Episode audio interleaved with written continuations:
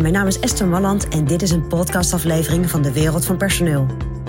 In mijn podcast deel ik graag mijn ideeën met je om op een slimme en simpele manier met je personeel om te gaan.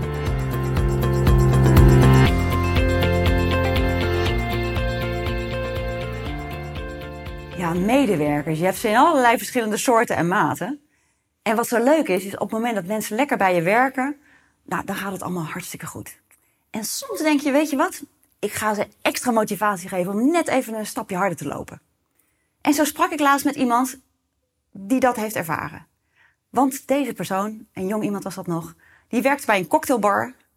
En die had collega's om zich heen en die collega's serveerden uit. Maar deze persoon was verantwoordelijk om die cocktails te maken. En wat hadden ze nou bedacht? En dat snap ik. Want de horeca, ja, weet je, de drank is natuurlijk een hele interessante voor horeca. De teamleider die daar toen aanwezig was, die had gezegd tegen al die collega's: joh, vanavond gaan we cocktails verkopen. En degene die de meeste cocktails verkoopt, die krijgt een fles champagne. Of ik weet niet eens meer precies, maar volgens mij was het zoiets. Nou, het waren allemaal jonge mensen en die vonden dat wel leuk, een beetje een wedstrijdje. Dus nou, er werden cocktails verkocht, echt. De sky was the limit. Maar er was maar één persoon die ze allemaal moest maken. En dat was die persoon die ik sprak. En die zei, ik werd dus helemaal gek. En de ellende was ook dat op een bepaald moment had ik een waslijst met allemaal cocktails die ik moest maken. Maar ik kon dat natuurlijk helemaal niet meer bijbenen. Dus uiteindelijk moesten de klanten wat langer op hun cocktails wachten. Bottom line was dat zij zei: Ja, weet je, ik vind dat niet zo grappig. En ik voel me dan ook niet echt serieus genomen. En dat vond ik interessant, want ik dacht: met alle goede bedoelingen, hè, probeer je natuurlijk als bedrijf lekker omzet omzet te creëren. Probeer je mensen te motiveren om iets te doen. Maar kijk dan wel naar de hele scope van de mensen die daarbij betrokken zijn. En in dit geval waren er allemaal mensen lekker cocktails aan het verkopen, maar was er één iemand die ze allemaal moest maken. En die heeft geen leuke avond gehad, dat kan ik je vertellen.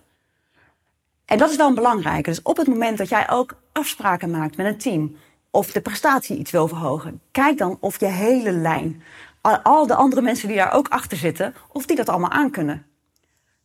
Want op het moment dat dat niet kan, één, dan vinden die mensen dat niet grappig. En die moeten dan heel hard werken, maken misschien meer fouten, eh, wachttijden worden langer. Dat werkt sowieso niet fijn.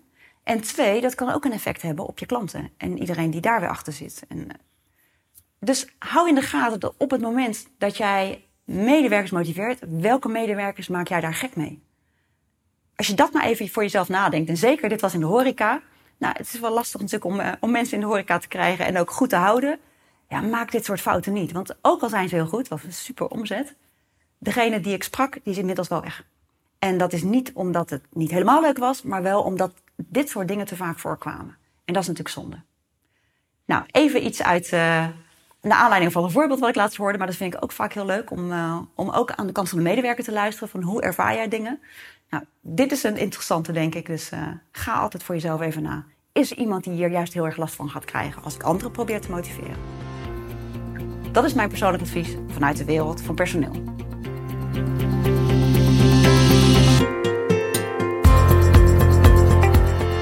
Ontwikkelingen in de wereld van personeel blijven volgen? Abonneer je dan op ons podcastkanaal. Ook op onze website vind je allerlei slimme ideeën en adviezen. Dus kijk even rond op www.dewereldvanpersoneel.nl.